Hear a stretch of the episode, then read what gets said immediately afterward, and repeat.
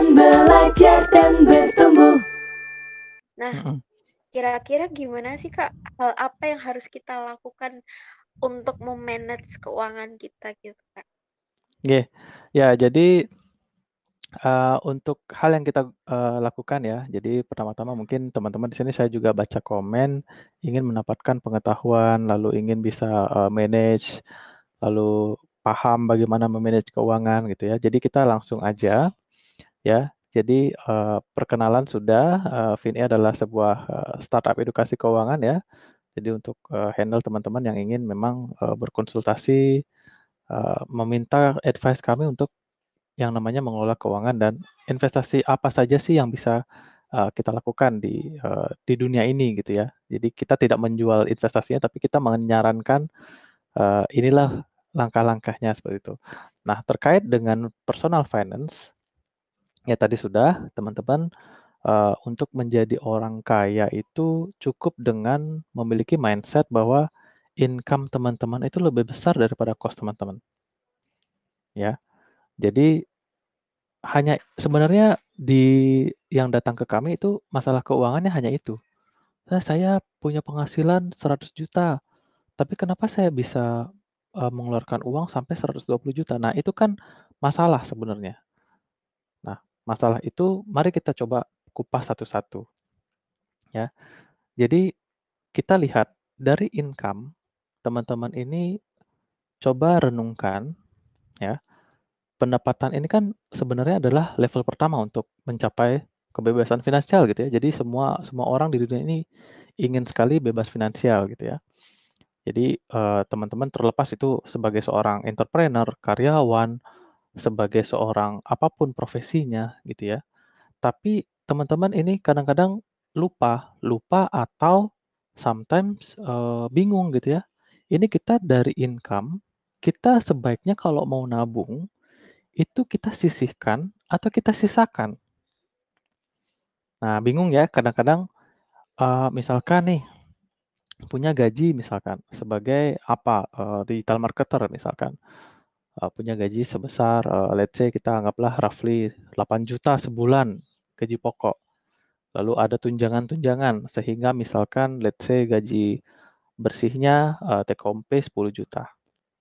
Nah, kita bingung, ini, eee, kita sisihkan atau kita sisakan?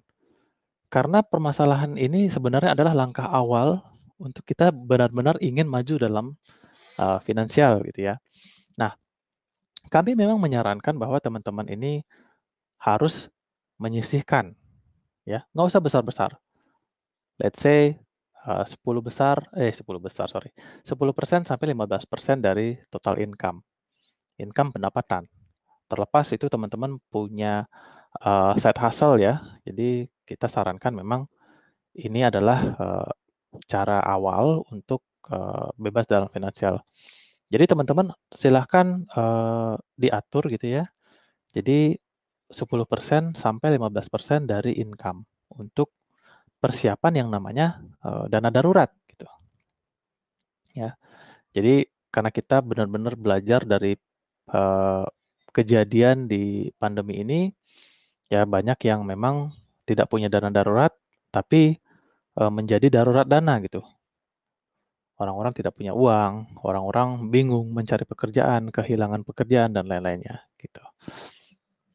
Nah, setelah kita, eee, memikirkan bagaimana caranya me-setup dana darurat, nah teman-teman ini tabungan kan adalah dana darurat gitu ya.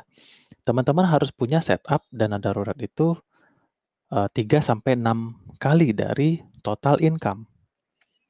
Teorinya seperti itu. Kenapa? Karena ini kita terlepas dari kejadian pandemi ya. Pandemi yang hampir 2 tahun ini, eee, kita terlepas dari itu memang sudah ada, eee, rumusan bahwa, eee, kita harus memiliki dana darurat 3 sampai 6 kali. Kenapa? Karena, kita asumsikan kita, di kehidupan normal gitu ya. Jadi, kita menganggap bahwa tidak ada pandemi. Ini kita berasumsi bahwa ketika kita kehilangan pekerjaan awal kita, misalkan sebagai seorang, eee, desainer atau seorang apa pun itu. Kita resign dari sebuah perusahaan. Kita kehilangan pekerjaan kita. Nah, asumsinya 3 sampai 6 bulan ke depan kita masih bisa hidup, kita masih bisa mampu membiayai kita, ya misalkan teman-teman sudah ada yang berkeluarga, teman-teman ada yang sudah misalkan menanggung, eee, adik misalkan, ya.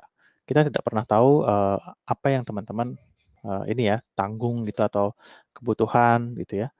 Jadi kita masih bisa bernafas selama, eee, minimal 3 bulan, sembari kita mencari pekerjaan baru. Nah, itulah fungsi dana darurat. Ya, jadi teman-teman harus, eee, memenuhi dana darurat tersebut terlebih dahulu, wajib, gitu ya.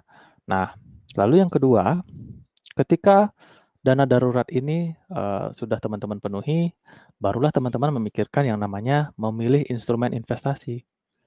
Ya, instrumen investasi itu, eee, teman-teman bisa yang, eee, mungkin konservatif atau moderat atau mungkin yang agresif.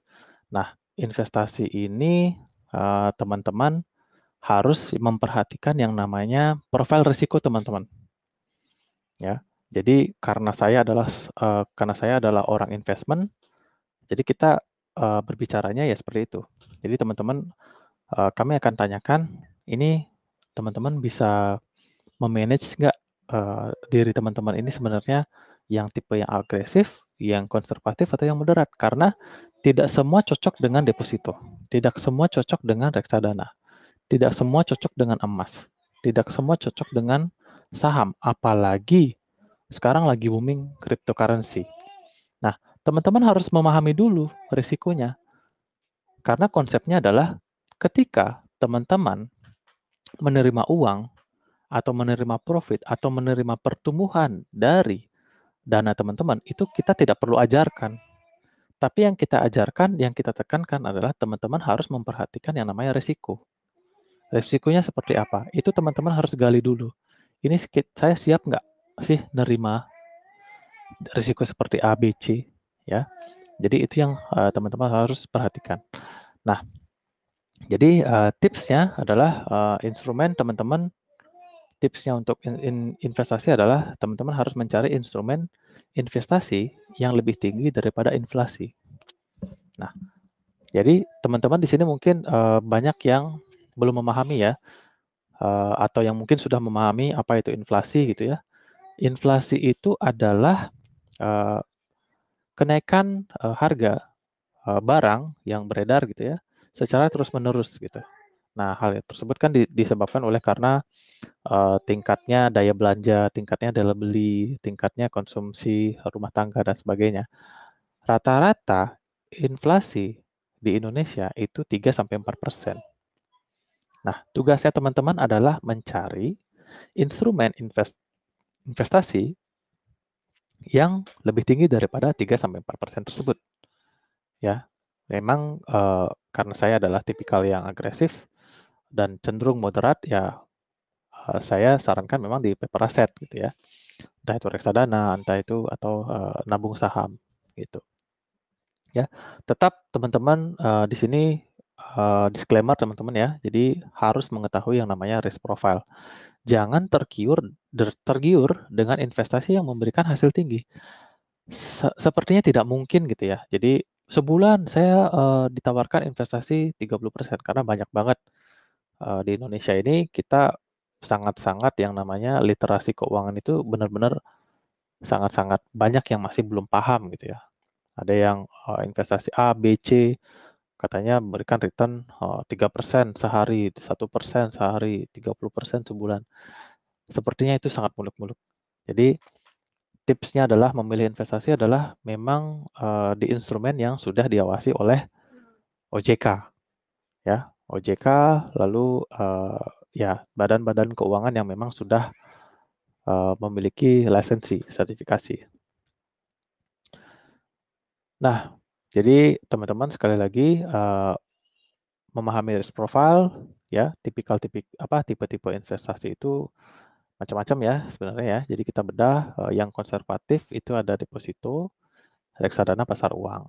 Sembari teman-teman, eee, bekerja, eee, tetaplah misalkan, eee, membeli deposito, membeli reksadana pasar uang. Yang moderat itu bisa obligasi, bisa reksadana campuran. Nah, yang agresif adalah saham, seperti itu.